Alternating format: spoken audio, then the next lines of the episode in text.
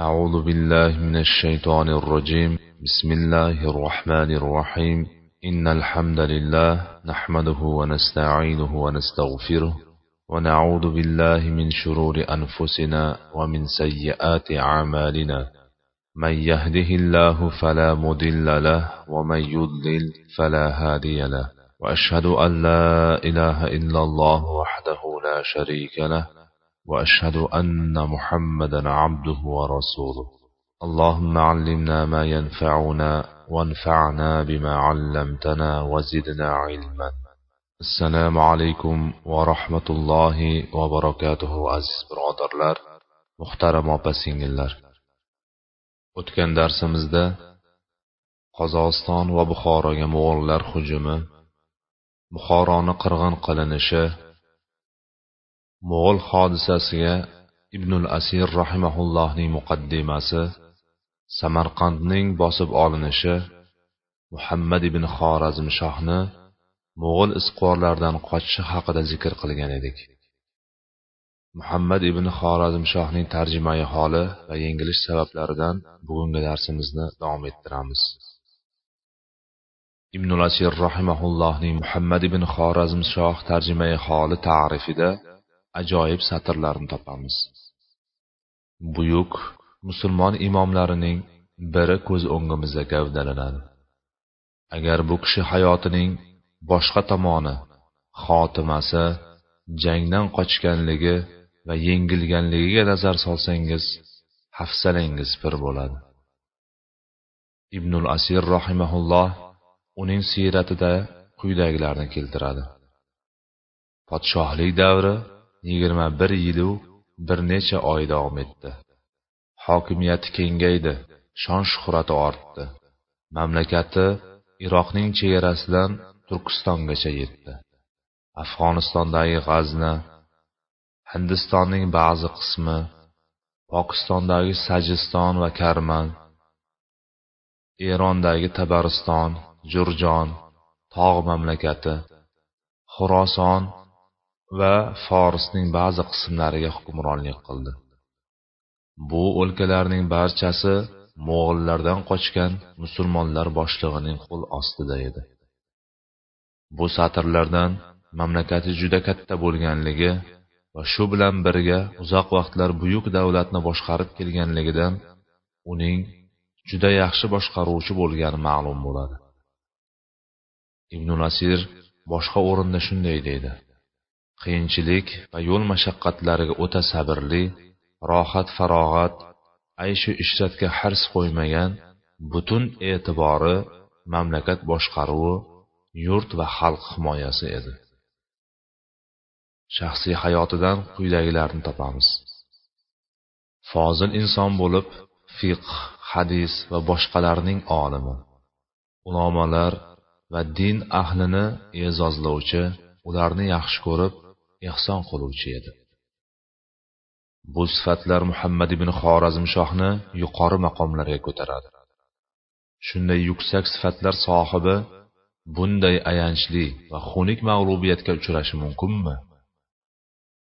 Nahot keng mamlakat hokimi mo'g'ollarga qarshi jangda sabr bilan tura oladigan jangchilarni topmasdan sharmanda va fojiali nihoyaga yuz tutdi.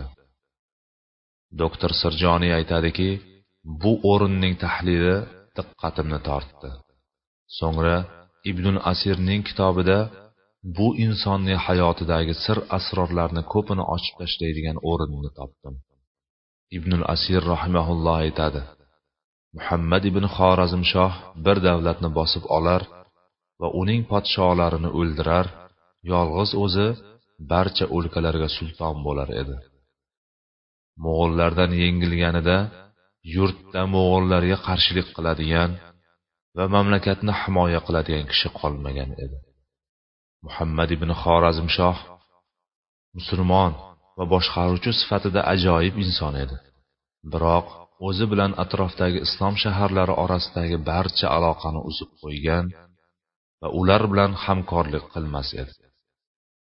Hamkorlikni tiklash o'rniga bu shaharlardagi hokimlarni o'ldirib ularni o'z mamlakatiga qo'shib olgan edi. Shak shubha yo'qki bu narsa o'sha yurtning xalqlari qalbida cheksiz nafrat adovatni paydo qilgan va bu hikmatsizlik edi. Rasululloh sollallohu alayhi vasallam o'lkalarni fath qilganlarida u yerlarning boshliqlarini voliy holida qoldirar. Bu bilan hokimlar va xalqlarning muhabbatiga erishar edilar. Masalan bahraynning podshosi munzir ibn saviy roziyallohu anhu iymon keltirdi. Uni o'z o'rnida davlatning hokimligida qoldirdilar. Ummonning podsholari jayfar va abbod islomni qabul qilganlaridan so'ng ularni ham voliyliklarida qoldirdilar. Yamanning voliysi bazon ibn sason al forsiy iymon keltirdi. Uni yurtiga voliy etib tayinladilar. Bu siyosat hikmat va o'ta yuksak boshqaruv uslubidir. Muhammad ibn xorazmshoh insonlar muhabbati bilan emas kuch quvvati bilan hokim bo'ldi. Insonlarga ishi tushib ularga muhtoj bo'lganida ulardan hamkorlikni topmadi. xorazm davlatida ichki qo'zg'olonlar to'xtamasdi shu sababdan yurtdagilar fikri tarqoq va bir yoqadan bosh chiqara olmasdilar ummatning holi bu ekan nusrat kelishi amri maholdir إن الله يحب الذين يقاتلون في سبيله صفا كأنهم بنيان مرصوص albatta olloh o'zining yo'lida go'yo tutash binolardek bir safga tizilgan hollarida jihod qiladigan zotlarni sevar. Bu qo'mondon olim faqihning hayotidagi sirdir. Davlati kengayib armiyasi ko'paydi. So'ngra dengizning o'rtasida yolg'iz badarg'a qilingan qochoq va faqir holatda olamdan ko'z yumdi. Nasoiy va ahmad abu dardo roziyallohu anhudan rivoyat qilgan hadisda rasululloh sollallohu alayhi vasallam shunday dedilar. Jamoatni lozim tutinglar chunki bo'ri ham podadan chetda qolgan qo'yni yeydi. Yigirma ming mo'g'ul isqvorlari xorazmshoh ortidan quvib tuta olmagan xorazmshoh kemada qochib kaspiy dengizidagi orolga yetib olgan mo'g'ul isqvorlardan qutulgan edi. Bundan so'ng bu mo'g'ul armiyasining kichik bo'lagi nima qildi? Atigi yigirma ming bo'lgan bu mo'g'ul suvoriylari nima qilishga qaror qildi? Islom davlatlari ich ichiga xorazm shohni axtarib kirgan mo'g'ul isqvorlari turgan joy ya'ni kaspiy dengizi sohili bilan mo'g'ul xoni chingizxon joylashgan joy ya'ni samarqand shahri orasidagi masofa tekis va to'g'ri yo'l bo'lgan taqdirda 650 kilometrdan ortiqroq edi. Agar samarqand bilan kaspiy dengizi orasidagi mintaqalarda mavjud bo'lgan o'ta mashaqqatli tabiiy g'ovlar to'siqlar hisoblangan tog'lar va anhorlarni e'tiborga olsak mo'g'ul isqorlari turgan joy mo'g'ul xoni chingizxon joylashgan yer orasidagi masofaning nechog'lik kattaligini tasavvur qila olamiz. Shuningdek mo'g'ullar bu mintaqa aholisi bo'lmagani undagi hayot tarzi va yo'llarni bilmasliklari hamda bu yerda jafo chekkan xalqlarning qalblaridagi mo'g'ullarga nisbatan ashaddiy adovatlarni e'tiborga olsak bu mo'g'ul isqorlarining samarqanddan ne qadar uzoqda ekanligini fahmlaymiz. Bu mintaqalar aholisi mubolag'asiz. Bir necha million bo'lib yigirma ming mo'g'ul suvoriylari ularga bas kela olmasligi turgan gap edi. Chingizxon ham olti yuz ellik kilometrdan ortiqroq uzoqda edi. Lekin voqelikda esa ayanchli va sharmandali ishning guvohi bo'ldik. Musulmonlarning qalblariga ruhiy tushkunlik qo'rquv singib ketgan haqir dunyoga o'rlashib qolgan hamda o'z maskanlari va shaharlarida o'sha ozgina mo'g'ul armiyasi qo'lida o'lishni o'zlariga ep ko'rgan edilar. Subhanalloh. Imom abu davud va ahmad o'zlarining hadis to'plamlarida savbon roziyallohu anhudan rivoyat qilgan hadisda rasululloh sollallohu alayhi vasallam shunday dedilar. Millatlar xo'ranlar ovqatiga yig'ilganidek sizlarning ustingizga yig'ilish arafasida. Shunda sahobalar yo rasululloh o'sha kunda ozligimizdan shunday bo'lamizmi? deb so'radilar. Rasululloh sollallohu alayhi vasallam dedilarki yo'q u kunda sizlar ko'pchilik lekin xuddi selning quyqasi kabi bo'lib qolasizlar. Dushmanlaringiz qalbidan qo'rquv olib qo'yiladi va sizlarning qalbingizga esa vahn solib qo'yiladi. Shunda sahobalar vahn nima? deb so'radilar. Rasululloh sollallohu alayhi vasallam vahn bu dunyo hayotini yaxshi ko'rib o'limni yomon ko'rishdir deb javob berdilar. Darhaqiqat musulmonlarning qalblarini dunyoga bo'lgan muhabbat va o'limni yomon ko'rish egallab olgan sel oqimiga qo'shilib oquvchi quyqumlar kabi bo'lib qolishgan edi. Ularning na o'z istagi na g'oyasi va na maqsadi bor edi. Alloh azza va jalla mo'g'illarning qalbidan musulmonlar haybatini ko'targan musulmonlarning qalbiga esa vahn dunyo hayotini yaxshi ko'rib o'limni yomon ko'rishni zaiflikni va ruhiy tushkunlikni solgan edi. Ularning ko'pligi foyda bermadi. Hatto yuzlab musulmonlarning qarshisidan bitta mo'g'ul chiqqanida oyoqlarini yerdan uzishga va unga qarshi chiqishga quvvati yetmadi. Vala havla vala quvvata illa billah. Mo'g'ul isqivorlari nima qildi? Yigirma ming xos armiya kaspiy dengizi sohilidan mazandaronga qaytdi. Va mustahkam qo'rg'oni shaharga kirish mashaqqatligi musulmon mamlakatlari ichida eng quvvatlilardan biri bo'lishiga qaramay uni qisqa fursatda zabt etdi. Umar roziyallohu anhu xalifa bo'lgan davrlarda musulmonlar kisroning davlatlarini boshdan oxirigacha fath qilganlarida ham mazondoronga kira olmagan edilar. Umaviylar xalifasi sulaymon ibn abdul malik zamonlaridagina bu shahar fath qilingan edi. Lekin mo'g'ullar juda qisqa fursat ichida unga kirdilar. Binobarin quvvatlari bilan emas balki o'sha vaqtdagi mazondaron ahlining ruhan zaifligi sabab osonlik bilan qo'liga oldilar. Shaharga kirishlari bilanoq o'zgalarga qilganlari o'ldirish azoblash asir olish vayron etish bandalar va shaharlarni yoqish amaliyotlarini qilishdi. So'ngra royga qarab yo'l oldilar. Roy ham eronning katta shaharlaridan biri edi. Mo'g'ullar mazondorondan royga qarab ketish asnosida yo'lda muhammad ibn xorazmshohning onasi xotini va ular bilan birga misli ko'rilmagan mol mulk va zaxiralarga duch keldi. Ularni barchasini qul va g'animat o'laroq o'zlashtirdilar va zudlik bilan o'sha vaqtda samarqand shahrida o'tirgan chingizxonga jo'natdilar. Go'yo alloh azza va jalla muhammad ibn xorazmshohga o'limidan keyin ham xorlikni to'la to'kis qilishni iroda qilgandek. Bu voqeani doktor muhammad sallabiy quyidagicha bayon qiladi.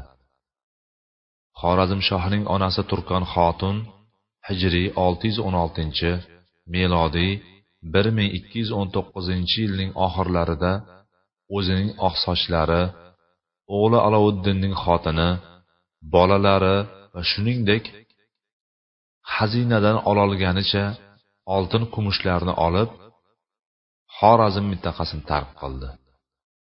Ketishidan oldin vahshiyona jirkanch bir ishga qo'l urdi. Xorazmshoh bosib olgan mamlakatlarning amirlari xorazm qamoqxonalarida mahbus edilar. Ularning barchasini qatl qildirdi. O'limga hukm qilinganlar jumlasidan iroqdagi saljuqiylar sultonining farzandlari balx termiz bamyonning amirlari g'uriylar davlati podshosining avlodlari va boshqa amirlar bor edi. So'ngra iroqqa qarab yo'lga chiqdi. Mazandaron qal'alaridan birida mo'g'ul sarkardasi subutoy tomonidan asirga olindi va chingizxonga jo'natiladi. Chingizxon xorazmshohning bolalarini yosh bo'lishiga qaramay o'ldiradi. Shuningdek ikki qizini o'g'li chig'atoyga beradi. U esa bittasiga uylanadi ikkinchisini yaqinlaridan biriga beradi. Uchinchi qizini xodimi donishmandga beradi. Shu tariqa xorazm iqlimi xorazm hukmdorlaridan ayriladi. Mo'g'ullar roy shahriga yetib keldi va uni bosib oldilar. Hamda shaharni xonavayron ayollar va bolalarni qul qildilar. Tarixda misli ko'rilmagan ishlarni amalga oshirdilar. So'ngra shahar atrofidagi shahar va qishloqlarni ham shu ahvolga solib qozvin shahrigacha yetib keldilar. Va u yerda qirq ming musulmonni o'ldirishdi. Vala havla vala quvvata illa billah. So'ngra mo'g'ullar kaspiy dengizining g'arb tomonida joylashgan musulmon ozarbayjon yurtiga lashkar tortdi. Yo'l davomida o'sha vaqtlar ozarbayjonga qaragan. Uning sharqiy tomonida joylashgan hozirgi kunda eronning shahari bo'lgan tabriz shahrining yonidan o'tdilar. Shahar amiri o'zbek ibn pahlavon mol davlat kiyim kechak va ot ulovlar evaziga mo'g'ullar bilan sulh tuzishga qaror qildi. Ularga qarshi urushishni mutlaqo xayoliga keltirmadi. Ertayu kech sharob ichishdan bo'shamas edi. O'sha vaqtlarda ko'pchilik musulmon boshliqlar harom ichimlik ichishdan tap tortmas edilar. Vala havla vala quvvata illa billah. Mo'g'ullar hadiyalar evaziga shaharni omon qoldirdi. Zero bu mintaqada achchiq qahraton qish boshlangan edi. So'ngra mo'g'ullar kaspiy dengizining g'arbiy sohili tomon yurishdi. Tabrizni ma'lum vaqtga o'z holiga tashlab qo'yishdi. Ozarbayjonni sharqidan shimoliga qarab egallab bordilar. Yo'l asnosida armaniston va gruziyaga hujum uyushtirdi. Armaniston zikr qilganimizdek aksar nasroniylar istiqomat qiladigan joy edi. Gruziyada esa vasaniy va nasroniy gruzin qabilalari bor edi. Mo'g'ullar bu ikki davlat bilan jang qildi. Urush armaniston va gruziyaning mag'lubiyati mo'g'ullar qo'lini baland kelish bilan yakun topdi. Bu yurtlarda hisobsiz darajada qirg'inbarot qatag'onlar qilishdi. Va bu davlatlarni o'z mamlakatlari doirasiga qo'shib olishdi. Mo'g'ullar musulmonlar qirg'inidan nasroniylarga o'tgan edi.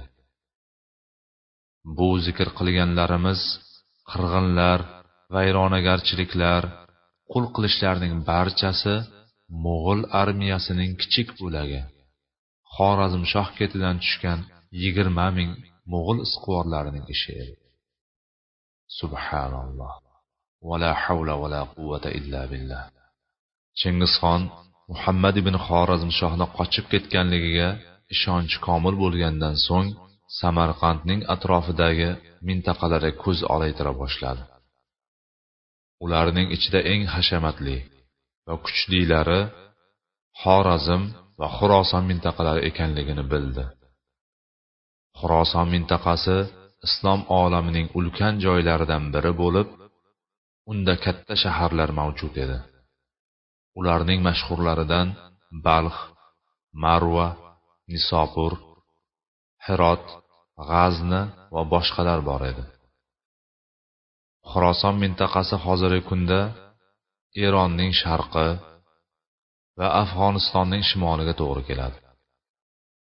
Xorazm mintaqasi esa xorazm davlatining negizi bo'lib mustahkam qal'a va qo'rg'onlari turli tuman boyliklari va jang mahoratlari bilan tillarda doston edi. Xorazm samarqandning shimoli sharqiy tomoni joylashgan bo'lib undan hozirgi kunda o'zbekiston va turkmaniston davlatlari orasida oqib o'tuvchi jayhun ya'ni amudaryo daryosi oqib o'tar edi. Chingizxon xorazm va xuroson mintaqalariga hujum qilishdan oldin ma'naviy jangni boshladi. Bu bilan musulmonlarning ruhiyatiga ta'sir o'tkazishni xohladi. Bu ulkan mintaqalardagi musulmonlar qalblariga qo'rquv solish maqsadida yo'q qilish yakson etish amaliyotini boshladi. U mo'g'ul armiyasini uch guruhga ajratdi. Birinchi guruhni farg'ona vodiysiga ikkinchisini termiz shahriga va uchinchi guruhni Quloba qal'asiga ularni vayron etish yo'q qilishga yubordi. Farg'ona vodiysi o'zbekistonda samarqandning sharqiy tomonida taqriban 500 kilometrdan keyin keladigan termiz esa samarqandning janubida taqriban 100 kilometrdan keyin boshlanadigan shahar edi. Termiz sunani termiziy hadis to'plami sohibi imom termiziyning shahridir. Quloba qal'asi jayhun ya'ni amudaryoning yonidagi eng mustahkam qal'alardan biri edi. Bu uchala guruh ulardan chingizxon xohlaganidek yakson qilishga kirishdi. Bu mintaqalarni hammasini ishg'ol qildi va u yerlarda mo'g'ullarning odatiga ko'ra qirg'in qatl vayron qilish tahqirlash qul qilish asir olish ishlarini olib bordilar. So'ngra yon atrofdagi xalqlarga maktub yo'lladilar. Maktub quyidagilarini so'zlar edi. Mo'g'ullar chanqog'ini faqat qon bilan qondiradi. Faqat xonavayron va yakson qilish bilan baxtiyor ko'ngli chog' bo'ladi. Mo'g'ullar yengilmaydi. Bundan so'ng butun xaloyiq qo'rquvga tushdi. Vala havla vala quvvata illa billah. Bu mo'g'ul guruhlari o'zlariga topshirilgan qabih vazifalarni a'lo darajada bajarib qaytganlaridan keyin chingizxon bundanda qabihroq ishga tayyorgarlik ko'ra boshladi. Xorazm va xuroson yerlariga hamla qilish uchun hozirlik boshladi. Dastlab xuroson diyoriga hujum uyushtirdi. Chingizxonning o'g'li tulixon hijriy 617 melodiy 1220 sananing kuz faslida xuroson yerlariga otasining buyrug'ini olib jo'nadi. Chingizxon o'g'li tulixonning zimmasiga 70 ming qo'shinni berib o'zi esa balx shahriga otlandi. Balx shahri afg'onistonning shimolida va mo'g'ullar xonavayron qilgan termiz shahrining janubida joylashgan shahar edi. Bu shahar xorazm davlatining asosiy shaharlaridan bo'lib o'rta osiyodagi katta tijoratlar bo'ladigan joylardan biri edi. Aytishlaricha bu yerda kichik masjidlardan tashqari bir ming ikki yuzta katta masjidlar tijoratchilar uchun ko'p qulayliklari bor bo'lgan shahar edi. Balx shahrining xalqi termiz shahrida bo'lgan voqealardan xabar topgani aniq edi. Va buning natijasi o'laroq ularning qalblarida mo'g'ullardan juda qattiq qo'rquv yuzaga kelgan edi. Mo'g'ul qo'shini bu shaharga kelganida shahar ahli mo'g'ullarning tarixidagi qora kunlar va vahshiyliklarni bilgan hollarida ulardan omonlik so'radi.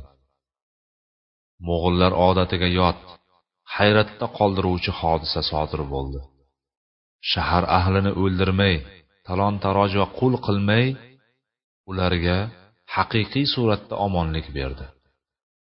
Balx shahri hijriy 618 melodiy 1221 yilda taslim bo'lgan edi.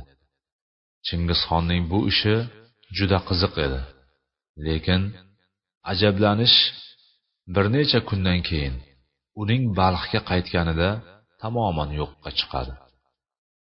Qulixonning qo'shini hijriy 617 melodiy 1220 sanada xuroson yerlariga yurishni boshladi. Uning bir necha o'n ming lashkari chingizxonning kuyovi tuchagarning qo'mondonligida naso shahriga yurish qildi. Tuchagar lashkarining bir batalyoni shaharga yaqinlashganda musulmonlar ularni o'qqa tutishdi. Oqibatda bu batalyonning komandiri balkush va katta sondagi askarlar o'ldi. Tuchagar bu o'ringa yetib keladi va shahar atrofiga yigirmata manjaniq ya'ni tosh otar moslamalarni o'rnatib shaharni o'qqa tutishga buyruq beradi. O'n besh kundan keyingina shahar devorlari dars ketib mo'g'illar kechasi shaharga kirish imkoniga ega bo'ladi. Tong otganda batalyon komandiri balkushning qasosini olishga kirishadi. Butun shahar aholisini tashqariga chiqarib bir qatorga yonma yon saf qilib va qo'llarini orqaga qilib turmoqlariga buyuradi. So'ngra erkaklar ayollar va go'daklarni qatl qiladilar. Hatto bu shahardan o'ldirilganlarning soni yetmish mingdan oshib ketdi. Vala havla vala quvvata illa billah. Bir necha kun o'tgandan keyin chingizxon balxga qaytdi. Va uning xalqiga o'zi bilan birga musulmon marva shahrini ishg'ol qilishda ko'makchi bo'lishiga amr etdi. Ular mo'g'illar bilan birga marva shahriga yurish qilgani borishdi. Balxliklarning barchasi musulmon edi. Lekin termiz shahrida chingizxonning buyrug'i bilan sodir etilgan dahshatli o'ta yaramas jirkanch amallarning natijasi o'laroq qalblaridagi ruhiy tushkunlik oqibatida hatto birodarlariga qarshi jang qilishdan ham tap tortmadilar. Inson o'ldiruvchi ham tiriltiruvchi ham jon berib jon oluvchi ham olamlar robbisi alloh subhanahu taolo ekanligini unutsa o'limdan qo'rqqanidan mana shunday tubanlikka. O'z aka ukalari musulmon birodarlarini o'ldirishga ham tayyor bo'lib qolar ekan. Subhanalloh. Chingizxon shu tariqa boshqa janglar uchun kuch yig'ar hozirlik ko'rar. Musulmonlar esa bir birlarini qarar edilar. Bu hodisalarni bugungi kunimizda ham ko'p takrorini ko'ramiz. Hodisalarning o'ta o'xshashligi hayratlidir. Bu olamlar robbisi subhanahu va taoloning yer yuzida joriy qilgan qonunlaridandir. Tarix batamom butun ko'rinishlar bilan takrorlanadi. Mana shu sabab ibrat olish uchun qissalarni hikoya qilamiz. Balxlik musulmonlar mo'g'ul qo'shini bilan birga marva shahrini ishg'ol qilish uchun keldi. O'sha vaqtlar marva katta shaharlardan biri edi. Hozirgi kunda afg'onistonning balx shahridan 250 kilometrdan keyin keladigan turkmaniston davlatida joylashgan shahar edi. Chingizxon o'g'illaridan ba'zisi qo'shinning boshida bo'lib qo'shinning sanog'i rivoyatlarda aniq zikr qilinmagan. Lekin balxdan o'zlari bilan olgan musulmonlar va afg'onistonning shimolidagi mo'g'ul qo'shinlaridan tashqari bir necha yuz mingdan iborat nihoyatda katta qo'shin edi. Mo'g'ul lashkari marva shahrining kiraverishi shahar tashqarisida ikki yuz ming mo'g'ul rijollariga duch keldi. O'sha zamon uchun bu juda katta armiya hisoblanar edi. Ikki taraf o'rtasida dahshatli qo'rqinchli jang sodir bo'lib buyuk musibat yuz berdi. Jang musulmonlarning zarariga hal bo'ldi. Katta sondagi musulmonlar qatl qilingan qolganlari asir olingan juda oz qismigina omon qolgan. Qo'shinning mol mulki qurol aslahasi va ot ulovlari g'animat qilingan edi. Ibnul asir rahimaulloh bu jangni shunday tasvirlaydi. Mo'g'ullar yetib kelganida musulmonlar bilan to'qnashdi va jang sodir bo'ldi. Musulmonlar sabr qildi lekin mo'g'ullar mag'lubiyat nimaligini bilmas edi. Subhanalloh dushman bilan jang qilayotgan musulmonlar dushmanini yengib bo'lmaydi degan e'tiqodda edi. Ularning ruhiyati va ma'naviyati qashshoq tuban darajada edi. Subhanalloh. Musulmon armiya achchiq mag'lubiyatga duchor bo'ldi. Marva shahriga yo'l ochildi. O'rtasidagi to'siq sindirilgan edi. Doktor rog'ib sirjoniy fikriga ko'ra shahar aholisi yetti yuz mingdan ziyodroq bo'lib musulmon erkak ayol va bolalardan iborat edi. Doktor muhammad sallaviyning yozishicha hijriy 618 yil muharram oyining boshi melodiy 1221 yil 25 fevralda tulixon 500 mo'g'ul suvoriylari bilan marva shahri qamaliga kirishdi. Bir hafta o'tar o'tmas mo'g'ul lashkari yetib keldi. Mo'g'ullar katta shaharni qurshab olishdi. Ko'z o'ngilarida katta armiyaning qirg'iniga guvoh bo'lgan xalqning dillarini qo'rquv egallagan edi. Lekin shunda ham osonlikcha taslim bo'lmadi. Shahar darvozasini to'rt kun mobaynida ochmadi. So'ngra beshinchi kun mo'g'ullar marva shahrining hokimiga maktub yo'lladi. Maktub quyidagilarni so'zlar edi. O'zingni va xalqingni halok etma. Oldimizga kel. Seni yurtingga amir qilamiz va sizlarni tinch qo'yamiz. Shahar hokimi mo'g'ul boshlig'ining so'ziga ishondi yoki o'zini o'zi ishontirdi va mo'g'ul qo'mondoni oldiga keldi. U tantanali ravishda kutib olindi. Unga hurmat ehtirom ko'rsatildi. Tulixon uni o'ziga yaqin oldi. So'ngra la'nati mo'g'ul qo'mondoni shunday dedi. Bizning oldimizga ashoblaring yaqinlaring va qavmingning kattalarini boshlab kel. Ularni ham ko'raylik. Xizmatimizga yaraydimi? Bilaylik. Yarasa ularga hadiyalar mukofot tarzida yerlar bo'lib beraylik. Shunda ular ham biz bilan birga bo'lsin. Bundan so'ng aldangan amir yordamchilari katta vazirlari va armiyasining oldiga qaytdi. Ularni tulixonni oldiga boshlab kelgandan so'ng hammasi tutilib arqonga bog'landi va ulardan ikkita uzun ro'yxat yozishlari talab qilindi. Birinchi ro'yxat shahardagi katta tijoratchilar va mulkdorlar ismi yozilgan ro'yxat. Ikkinchisi mohir ishbilarmon va hunarmand kosiblar nomlari yozilgan ro'yxat. So'ngra chingizxonning o'g'li shahar aholisini hammasini shahardan tashqariga chiqishga buyurdi. Xalqdan bittasi ham qolmay shaharning tashqarisiga chiqishdi. So'ngra chingizxonning o'g'li oltindan bo'lgan kursiyga o'tirgan holda buyruq bera boshladi. Birinchi buyrug'i shaharning kattalari amirlari va katta sarkardalarini keltirib omma xalqning ko'z o'ngida o'ldirish. Ikkinchisi mohir ishbilarmon va hunarmand kosiblarni chiqarib ularni malakalari va ish kuchlaridan mo'g'ulistondagi ishlab chiqarish va sanoatchilikda foydalanish maqsadida u yerga jo'natish. Uchinchisi mulk egalari va tijoratchilarni chiqarib bor mol mulkiga dalolat qilgunicha qiynoq azob berish. Mulkdorlar xazinalarni ko'rsatib berishdi. Ularning ichida o'z jonini qutqarib olishga yetarli narsa topolmay kaltakning zarbidan hayotdan ko'z yumganlari ham bo'ldi.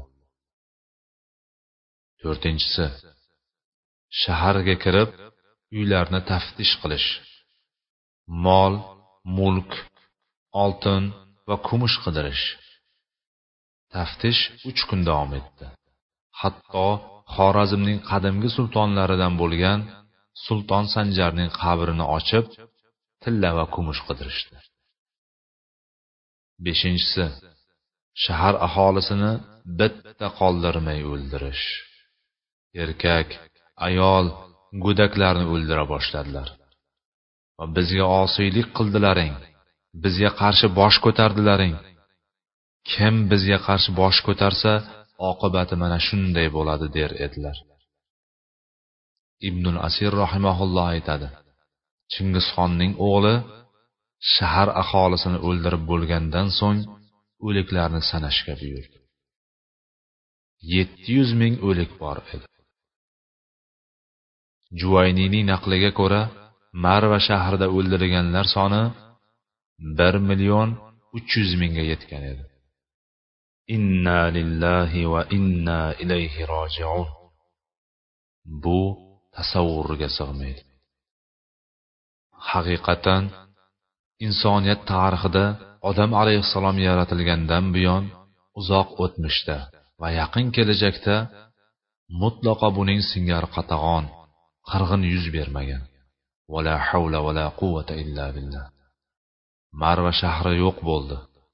Uning nomi tarix sahifalaridagina qoldi.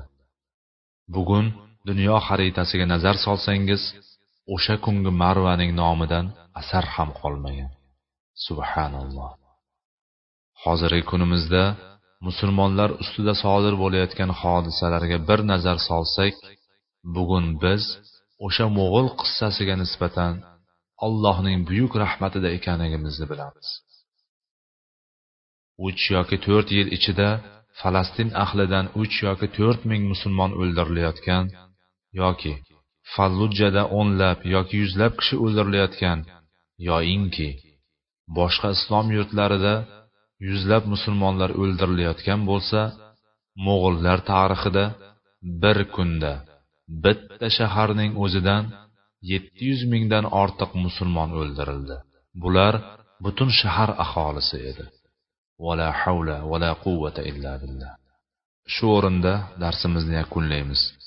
Alloh subhanava taolodan uning yer yuzida joriy qilgan qonunlarini bildirishini manfaatli bo'lgan ilmni ta'lim berib ta'lim bergani bilan foydalantirishini va tarixni bizlarga ibrat qilishini so'raymiz albatta u allohning qo'lida va u bunga qodir zotdir vallohu taala alam سبحانك اللهم وبحمدك أشهد أن لا إله إلا أنت أستغفرك وأتوب إليك وآخر دعوانا أن الحمد لله رب العالمين وصلى الله تعالى على خير خلقه محمد وعلى آله وأصحابه أجمعين. والسلام عليكم ورحمة الله وبركاته.